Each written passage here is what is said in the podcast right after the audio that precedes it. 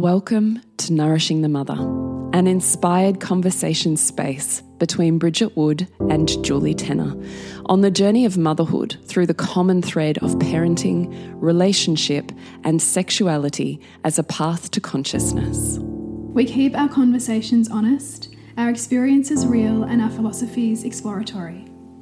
We believe that in order to raise incredible humans, we first have to raise ourselves. We know that in order to rock the family, you've got to nourish the mother. If you are here, you care about paving a path of conscious and intentional motherhood connected with yourself and your gifts, and also illuminating your children in theirs so we may raise more whole humans who can impact this world in a more humane way. If you desire to integrate your learnings practically and supportively, head on over to bridgetwood.life or julietenner.love to go deeper.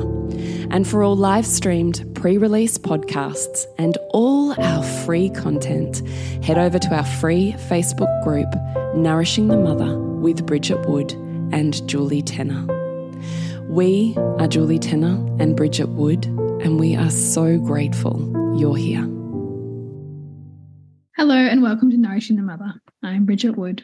And I'm Julie Tenner. And today's podcast is resenting the people we love puts us in a cage. So, how do we break free? Mm. So, this one picks up a little bit on you know many past conversations mm. in the podcast that we have had, but that it is such a function of human behavior to swing from you know infatuating with one person and really resenting another and the resentment can often really exist in a lot of family stories mm. particularly mm. mother wounds or father wounds right and so when we seek to parent intentionally we run head first into some of those deepest resentments Mm.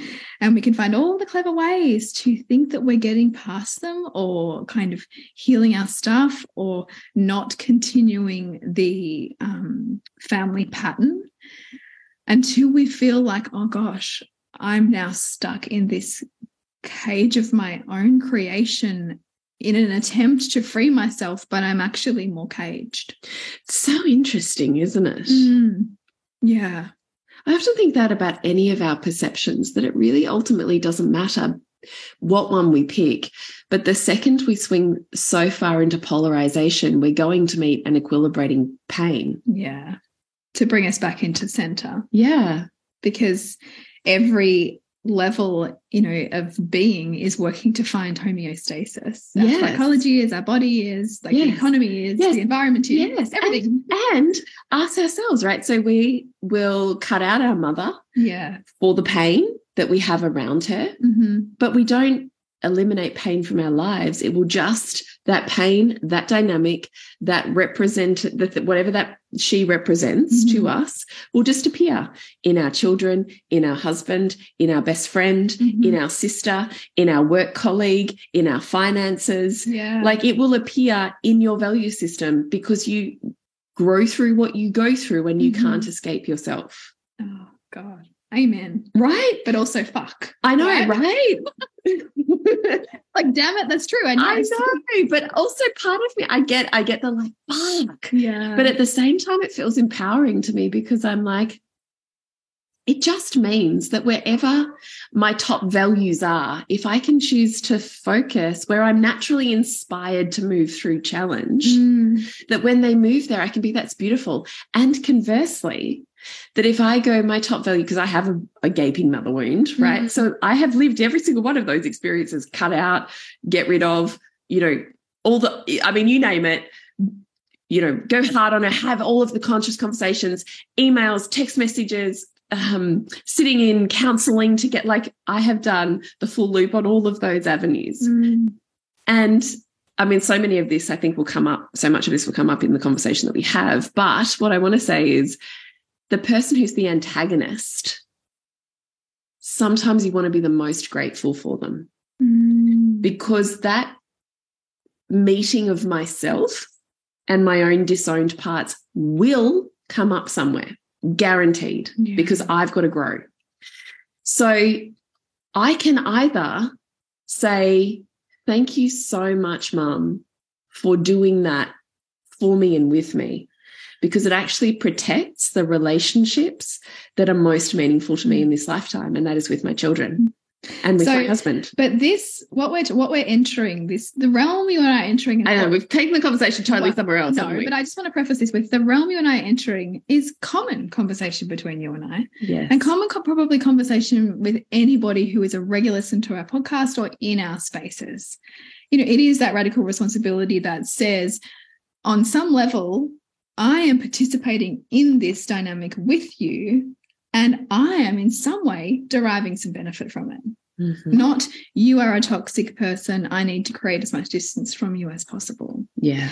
Which some therapeutic approaches will reinforce mm -hmm. through pathologizing particular personality types, through reaffirming our stories, you know, yes. helping us feel self-righteous about the choices yes. that we're making. I think that's, that's the most destructive one is when we seek practitioners who keep us in our story mm. and don't ask us to go further than our story. Yeah. Then, as you so beautifully say, we just continue to remyelinate mm. that belief system, mm -hmm. that perception, that way of doing things, that brain train track just keeps doing a bigger groove. Just forges, just forges deeper. So it just means that we get there quicker. We get to that belief with even less consciousness. We see it more. We see it more, and we look for everybody else who agrees with us that that is right. Yeah. So we get more and more polarized, mm -hmm. which makes our cage feel tighter and tighter. Actually. Yes. Yeah. Yeah. So I just love that idea of we will always actually look for support. Mm. and what you want to be grateful for is the people who don't agree with you. Yeah. Even though it actually viscerally feels difficult to be with yeah. be in. Yeah, totally. Totally. So this is us having a riff, but actually what we, we came into this podcast with was point. We did this is following on this conversation is inspired by a listener's email, but the email is very personal and uh, very nuanced yeah. and very deep. So instead of specifically tailoring a conversation to this beautiful human who is in Bridgie's uh, reimagining motherhood space, so mm -hmm. has direct access to you, direct access to a community that thinks like this, direct access to a way of being able to untangle some of this, we've mm -hmm. decided to extrapolate this out into a slightly larger, broader dynamic conversation. Yes and give you three steps if you find yourself here, because we will all resent loved ones at some point in time. Yes. I think that's a natural function.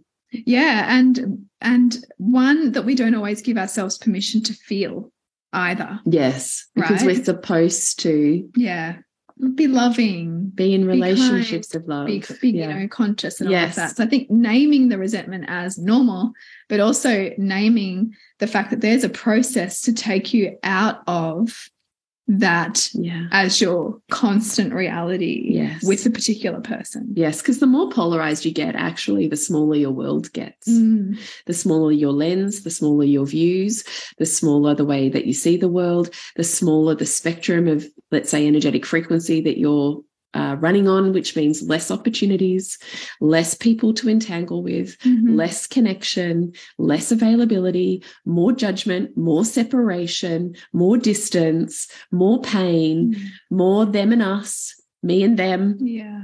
More otherizing. Yes. You know, like so this is the cage we're talking about. Like anytime you're deeply polarized, you're creating your own cage of suffocation. And that mm. the more you polarize, the more you myelinate that belief system is true and accurate and correct. And you say to me, yes, but you know, there's this many percentage of people can or can't ever do this thing. And there's this evidence that says this person's like that. And they're like this because my therapist said that they are this. Mm. So, okay, yep, you have found the evidence that directly proves you correct, which keeps you on your personal self hierarchy of, you know, I my way of seeing the world and belonging is correct and mm -hmm. accurate. And, you know, just in case you think you're going to tell me otherwise, I'm going to give you the evidence mm. because we're in an evidence based patriarchal Society. culture. Yeah. Yeah. So if I throw that at you, then this all makes sense. Mm -hmm. So the more we stay polarized, the smaller and tighter our world will get. Mm. It's inevitable. Yeah. And at some point, we'll rally against that. Mm. I mean, you and I have both done that to oh, ourselves. Yeah. And, you know, over and over. And I think, you know, as human beings, we will continue to do Right. this, right? Like that you cannot avoid this. Like we're not saying this from some, oh, well, we don't do that. Oh, no. Not at all. We're, Like, we 100% human. can't avoid it. Around we go again and again and again. I'm, I'm now taking this very staunch position on this thing. Right. Hmm, this is interesting. Or, fuck, I thought this was the only way to be. Yeah. and this was the right way to be and i'm suffocating now Mhm. and i don't know what that means hello identity crisis Yeah, I'm struggling under the weight of my self-imposed. identity yeah. yes because who am i without that belief system Mm-hmm. on parenting and the mother that's supposed to be this way and and who am i without those things Yeah. It's, it's like you're like naked. Yeah You're naked and Yeah. you're like, fuck, I'm freezing. And how do I find safety and security? And yes it's a terrifying place to be sometimes. Yes, and I, and if we take in context of the mother wound, which is what began this conversation, is I've often thought the very thing that I judge her for, you know, ultimately becomes the cage because I'm judging. We only judge another for the degree that we're judging it, that and disowning that within ourselves. And so I hold the opposite self righteous belief Mm. because she's so narcissistic Because she gaslights me all the time. whatever. I have to be the equal, equilibrating opposite of that all of the time just to prove that I'm nothing like her. I'm extremely aware. I listen to you. I don't, you know, Yes. say. I'm the opposite of narcissistic. yes. I'm purely altruistic. I'm so altruistic. I'm self sacrificing to a fault. I am the martyr. yeah. You know, Yeah. I am the people pleaser. I am the yes. I override my boundaries continuously in order of service of my children. You know, Mm. I mean, I'm saying this with tongue in cheek, of course, because I've lived every single one of these. Yeah. So I'm tongue in cheek with myself. hmm But I mean, the point of that is that that then that cage that I rally against is then, well, shit, if I was to take more of that ownership of narcissism back, if I was to take a little more of me and a little less martyr, mm-hmm. then fuck, what if I'm my mother? And if I'm my mother and I've spent years cultivating an intrinsic hate of her, Yeah. then what do I do with all that And, pain? on- and on that point, you've also set up your life and other relationships in such a way to put your mother where you put her and other ones to have a compensating support and connection where you perceive disconnection. yeah, totally. So, so all of so, so the way that like the landscape of those relationships also relies on your continuing yes. pigeonholing of your mother in this particular role, right? Yes, 100%. Right. I mean, I've said this to you before is I have absolutely have the mother Mhm. as I want her and need her in every essence, but she's not in one human and she's not in the form of my biological mother. yeah, She comes through you yeah. and she comes through Brie and she comes through my husband sometimes and my children sometimes and Mm. you know the universe that just even this morning I have this hysterectomy obviously on Wednesday and this morning we're walking out of basketball this mum who I'm not whose whose daughter's on my team I'm not terribly close with but she's a teacher at my elder kids school she's like listen I was thinking just yesterday I could take your kids home anytime you want hmm. right but she didn't even know I was having a hysterectomy next week she didn't know this is literally like out of the blue Amazing. Were you Right. were you thinking, how am I going to get the kids? Oh yeah, from I'm, school?" I'm like as you know, So you good. left last night with me having this conversation with you, going, Yeah. I don't exactly know how this is working because I can't drive. And here's this woman right the next morning who's, oh, I've never really had that. Oh, you know, I just thought just yesterday I could do this for you anytime. And I said to her, you know what? I'm having a hysterectomy next week. Actually, this is divine intervention. Thank you. So here comes the mother. That's so good. Do you know what I Oh. mean? Like, yes. so the mother exists. But and the challenge in seeing the form of where the mother exists is directly proportionate to all of the ways where we have either consciously or unconsciously trained ourselves to project that, you know, universal mother into our biological mother and said that she has to be all of this. Right. I just, can we just like hover on this point? We're totally going off what we had We'll planned. This might be a couple of podcasts. We'll get there. So I, I just, there is a toxicity innate in the way that we decide the way that the good mother has to be. Yeah. And I actually think my mother comes crashing off of that. Um, I hate her to the degree that I herald what she should be. Yes. And it's Do you know what I mean? Yeah, exactly. Because you only, you know, in some ways, you are if she was just a human that you were in a relationship with that didn't have all of the loaded narratives around what it means to be the good mother, you wouldn't have anywhere near the amount of emotional polarizations No. and charges that She'd you just be her. you. She, she, she'd just be her, right? Yeah. And she'd be her with her challenges and her with her, you know, things that you The admire as well, right? Yeah. But mothers often are not allowed to have the complexities that humans inherently have, Yes. Hello, patriarchy. right? And so, and you know, Dr. Sophie Brock talks about this in terms of you know this good mother, bad mother binary that we actually only know the good mother by having cast this um, collection of traits and behaviors into the bad mother. Mm. And we measure ourselves and every other mother according to that, which is why so many women and mothers suffer in silence around the rage and resentment that they sometimes feel around their children because they're not allowed to name it Totally true. because it all fits in the bad mother category. totally and you know, you can't be that because socially you would be cast aside. I know. Except when you find pockets of women where, just like in my hysterectomy party, you can be like, hey, there's this thing. And they're like, hey, me too. Let me put my hand up that's with you. Yeah. Yeah. Or in my group where we had a whole thing about like rage and naming it and yeah. like, yeah. Because yes. yes. It's so true. I just loved how you said mothers are not allowed Mm, to have the complexities of humanity. yeah. It's the Madonna. Mm.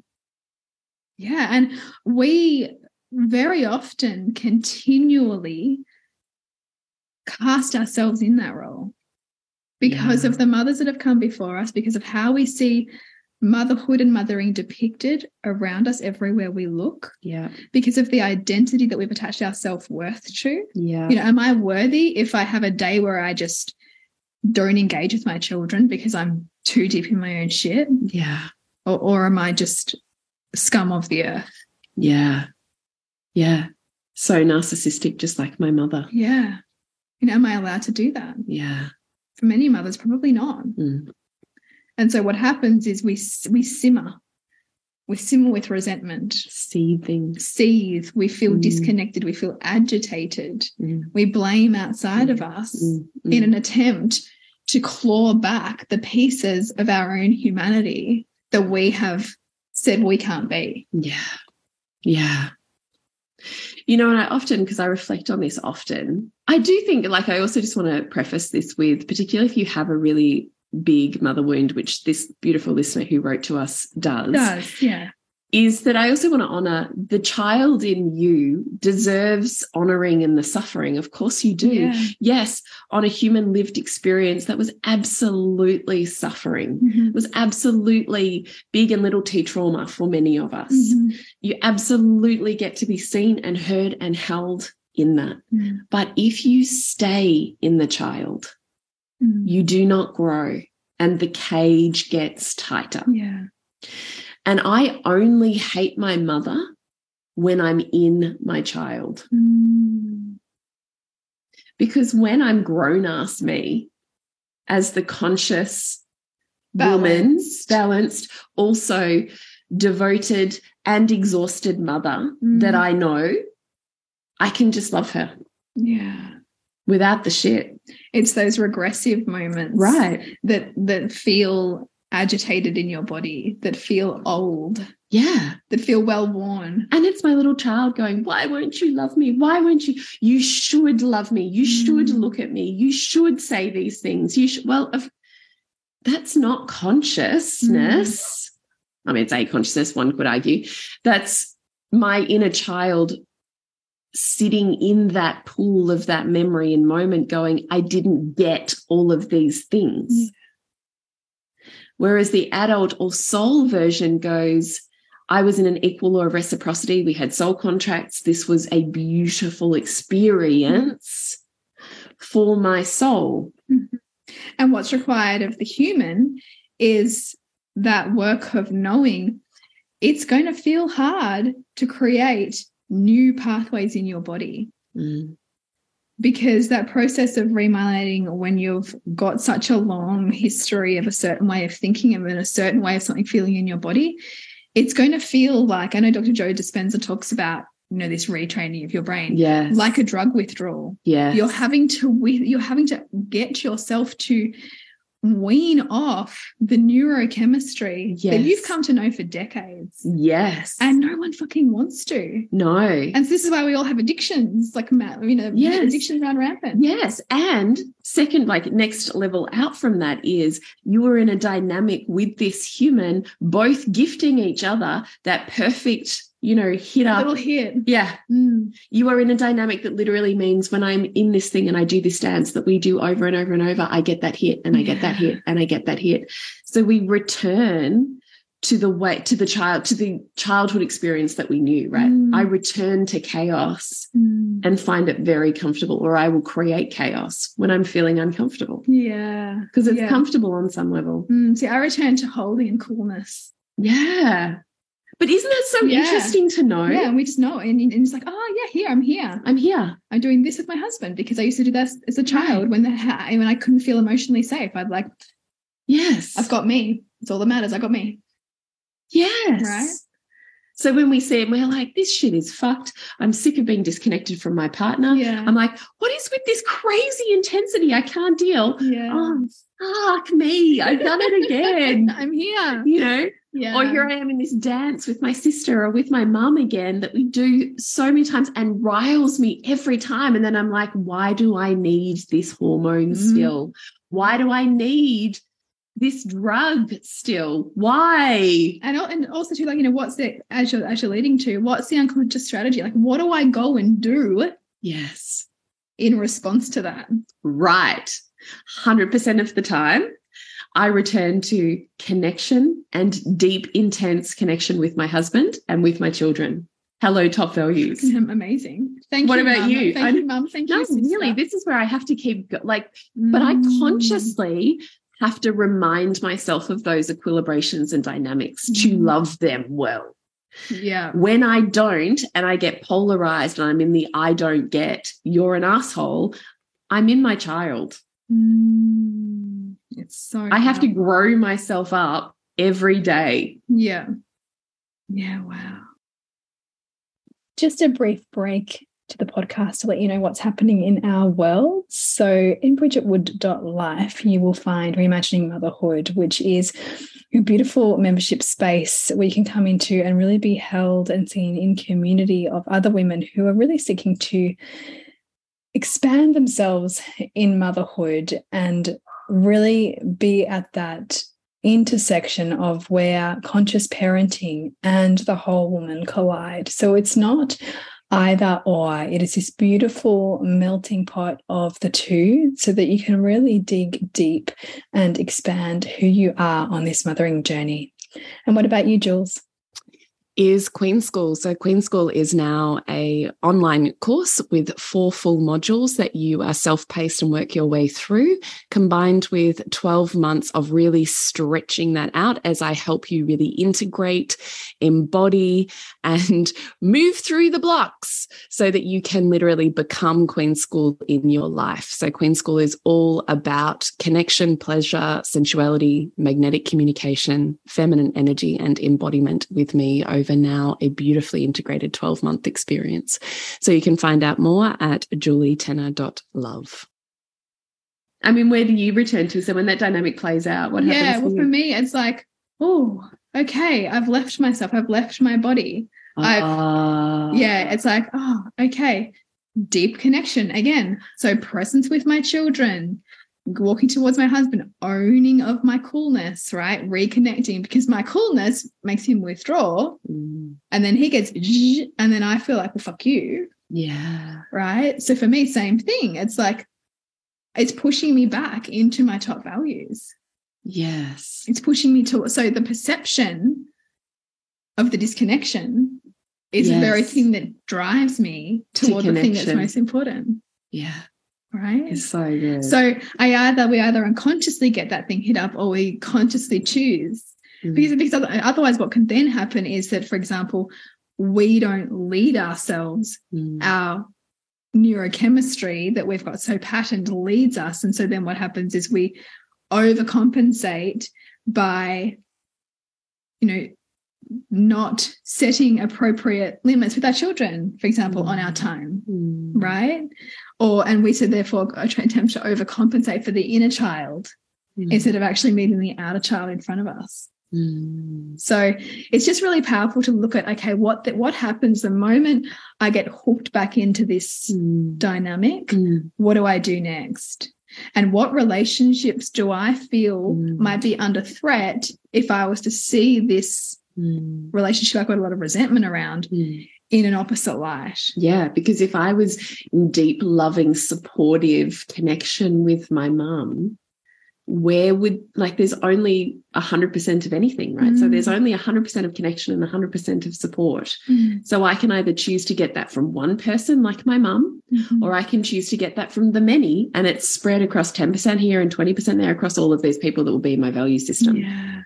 so let's just say right now i get it from the many rather than from the one -hmm if I were to, to go, if she were to live the opposite of what I say I want, so instead of being disconnected and, and I'm not receiving connection and love and flow and support from her, and all of a sudden I were to, like, we were to have the relationship that I like crave, that I fantasize about and herald. If I were to have that, what would change? Mm. Where would the connection disappear from? Because mm -hmm. it's only 100% everything. So if all of a sudden it flows over to her, where's it flowing out of? Yeah. What am I going to lose? What am I going to have to give up? How will my life change? How will it be impacted? Mm. Because, well, you've got to look at that. Yeah, because because in families there's a conservation of war and peace all of the time. Yeah. So we have a fantasy of this peaceful family. If you have a peaceful immediate family, you're at war with somebody outside of the family. Totally. So this is what you're talking about. Totally. You are super close with your husband and your yeah, children when you're at war with your mother. Oh, hundred percent.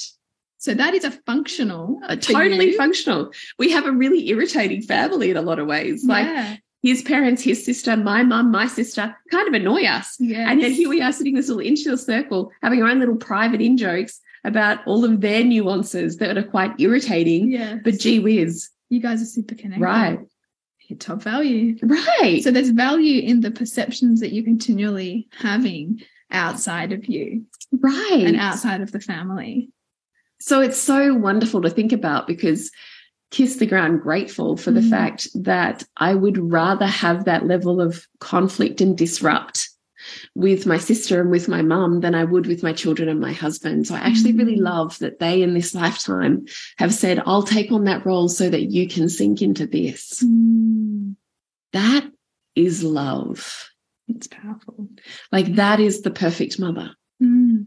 not this fantasy version that I see. I, I sat with my fantasy version this morning at a kid's birthday party with my daughter. Did you? I just love it when I sit with my fantasy mom. Oh, that's so great. so good. So what's your tell us about what qualities did she demonstrate that you were like starry eyed about? Oh, okay. So first off, I get in there. So it's a kid's birthday party and I'm taking my daughter to the birthday party. So I just naturally assume that all parents take their children to the kids' birthday party. No, here was the grandma taking the children to the birthday party. Okay. So first off, I'm a little disrupted because I'm like, what? The grandma's here. Where the fuck are the parents? Like, watch my judgment happen yes. instantly, right? Yeah. So that the grandma was hosting it. No, she'd oh. just taken her kids, the okay. kids, her grandchildren to this birthday party. Mm -hmm. So I sit down next to her, and on her lap is curled up, you know, the cutest little maybe turning three, two, two to oh, three, like cute. just like nestled into her, you know, chest, heartbeat, bosom, just like so. And she's mm. like gently stroking her hair, oh. you know, like just Madonna at your hair. Right. Yeah. Yeah. Yeah. Yeah. Yeah. So, you know, we get talking, just, yeah, you know, they sleep over every weekend. I have them every weekend. And, you know, I'm still a primary school. She's a prep teacher. She's still she's, for 27 years. she's a prep teacher. So she's still a, she's a prep teacher four days a week so that she can have a grandma day on her one day off oh. and still have the kids on the weekends. And she has five children and she has nine grandchildren that she equally shares her time with and is devoted to. And she just thinks they're the most wonderful thing in the whole world. Mm. And she just loves it so much. And her daughter like messages her every day and pops around all of the time. And she doesn't come into her house and get in her space. And, you know, they might do things differently, but she just remembers how to love them and leans back and just mm. really preserves relationship because times are different and things are different. Mm. And I've got to let go of my stuff in order to be just really present and available and loving yeah. and stay because, you know, they go through. I was like, who are you? I'm obsessed. Wow. You know, and then I'm so I literally I've pretty much monopolized her for this whole party. Yes, I'm yes. like, You know, I was like, can I interview on the podcast? Oh, really? Did you say Yeah, I did. I was like, So this being to me. Sorry, I, I'm love it. The unicorn. And The like, unicorn of mothers and grandmothers. oh my God, like just next level, right? Like you're It- gushing. Oh my God, like fantasy personified. I also, though, at the same time, know, of course, Mm. she has to have an equilibration. Where's Like, there? Where's there? I want like where's Well, there- I have no idea. Where's her devil? well, I don't know. I don't know her. No. So, but I mean, the stories she tells are amazing. So, she even, with her five children, this is why I want to interview her because she's of our mum's elk. hmm but she tells it like almost like Ria, like has a, you know how there's lots of mums of our mum's age Mhm. who it's almost like they just stoically wash over everything and there's no detail and everything was fine. Yeah. And you right. just kind of get on with it. You know Mhm. how Yeah. it seems to me that seems to be the carrying narrative. Yes. But she was totally different. So she was able to go, you know, the nurses at births were just like hideous and they were so like ugh, condescending and eye rolly and just like, can you just like get on, stop being ridiculous? you know and um so she didn't know she said back then we didn't have scans or anything so she was going to give birth to her fourth baby and finds out as she's delivered the first baby she's having twins and there's a second baby coming Oh my gosh. Right. Wow. but birthed her two twins vaginally in this hospital where even as she's like she gets to the car and I, I'm going off totally off tangent here No, but but like this it. is why I wanted to have this conversation with her because the way that she was talking about essentially 70s esque Mm. Parenting and birth as a mother who had five children very close together Mm. without much of a support, support network. I find those stories fascinating because it's almost like a piece of history that we don't hear. Yeah. You know, the actual It's- lived suffering almost- experience. Yeah, it's, it's it's almost kind of unwritten, really. Yeah. So Mhm. I was like, so you can, so she's this natural birthing woman who's just like done twins and radically talking to me about, you know, how fucked the system is. so of course I'm like in love with her, Yes. you know, like there was almost nothing, like tick, tick, tick, every Yes. single one of my perfect mother boxes. Yes. Here she is. You know, angels were singing. Heavens opened and she landed. I just sat next to her. and I was like, Do you mind me asking? Do I? No, oh, of course I don't mind you asking. Dear. Like 100% fangirly. Yeah, yeah. but also just loving the fucking shit out of her real stories because they weren't tilted one way or the other. They were just like, this was the reality of the harsh life that women lived at this point. Mm. And I actually fucking loved that. Yeah. And also that, that I guess that just stoicism that they had that just was like, well, this is how it is. This is how we're having to Right. go forward. Right. Mm. So, it, I mean, one of her twins ended up having cranial surgery at six weeks. So, I know back then, can you even imagine? And so, even then, she's in there talking to me about how she became really bonded with the other women who were in this experience because there was no beds, there was no care of mothers at all. We all had nursing babies and children and toddlers who we had no care for. And we're just on the floor of a hospital bed with our child who's had surgery or is dying. Like, I mean, her story is just unbelievable, right? Yeah. which is why I want to interview her. And she was like, but then I became really good friends with this mum next to me, and her child died. Mm. And she said, so I'm sitting here, even even though I have three tiny little ones at home, oh, I've got two at home, one who's with me here, and one who is Having, ha- having surgery. surgery, like the most major surgery. She said there was almost this stoicism that came in because it was relative. Well, I'm not losing a child, Mm. so I can be here. Yeah. Well, it's not that, so I can keep going. You know, just yeah. and how- magic. And how, you know, in some ways you leverage your strength from that. Yes. Mm. Like I just, it just felt like one of those moments of hearing the stories of women, you know, just like the Mm. ones that make our spine. I just Mm. like eat them up, which is why I wanted to interview her. But anyway, we have like totally derailed have. this podcast. Yeah. My point is, I sat next to my perfect mother, and I often find her, my fantasy mother, just like floats in. Do you remember when we were at the flower farm and I was gushing over that perfect mother? I find these fantasy mothers just like find me. The difference was this time I didn't get carried away with my fantasy. That time I got carried away with it.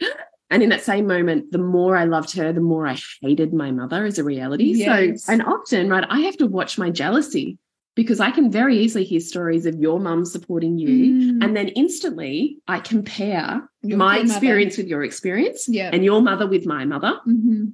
And I decide based on that comparison that she's inadequate. Mm. Yeah, the more times you do that, the more you run the story, the more your mother is in the pit. Right. But we do this often, right? So we'll be, we'll see this perfect mother. We'll mm. see, we'll decide that she exists. Mm. Of course she doesn't, but we'll decide that she does because, you know, my best friend has it, or she does it for my sister, or, you know, whatever. Mm. And hate our perfect mother in the process of because that. she's our perfect mother because of the exact way in which she shows up in the dynamic we need her to. Right. Yeah. Right. Yeah. But we think we have these like rose colored glasses for someone else's experience. Yes. Not seeing how their experience is, is perfect for their dynamic. Exactly. And they are not without challenge. Mm. Yeah, it's just in a different way. It's in a different like I said this to someone the other day, I can't remember who, but the human lived experience mm. of emotional spectrum is the same. Yeah. What initiates that hormone or experience to some extent is relatively not important. Mm. So when I look at Bridget and decide, well, she has this perfect mother and all of this support, and she must have so much more ease and it must be so much easier for her, mm. is she will have and experience exactly the same degree of suffering mm -hmm. that I do. But it will likely just be different or in a different form, nuanced and tailored specifically for her growth path. Mm -hmm. But she's not without it. Yeah. But we can so easily, when we're in our own challenge or when we're in our own story, assume that someone else has a way easier, which yeah. reaffirms how hard our experience yes. is. And mm -hmm. makes me hate my mum more. Mm -hmm. because we as humans only understand things by their opposite. Like we we need the perception yeah. of something opposite to understand our experience. But that kind of black and white thinking doesn't allow for the nuance and the complexity that is human behavior. You know, when someone when someone calls you something, it's true. Mm. Because you're that as well. Yes. Like when I was getting stalked on Instagram and I had the most horrible things said about me. Yeah. My practice was okay, where and when do I do that? Where and when am I that? Because the more we can own our villain, the more we can love the villain in someone else, mm. the more we can allow ourselves to be a more fully expressed human, mm. the less the outside world has to rattle us mm. because we're not afraid of being called something because hmm. we know that we too do that right in our hmm. own way. Hmm.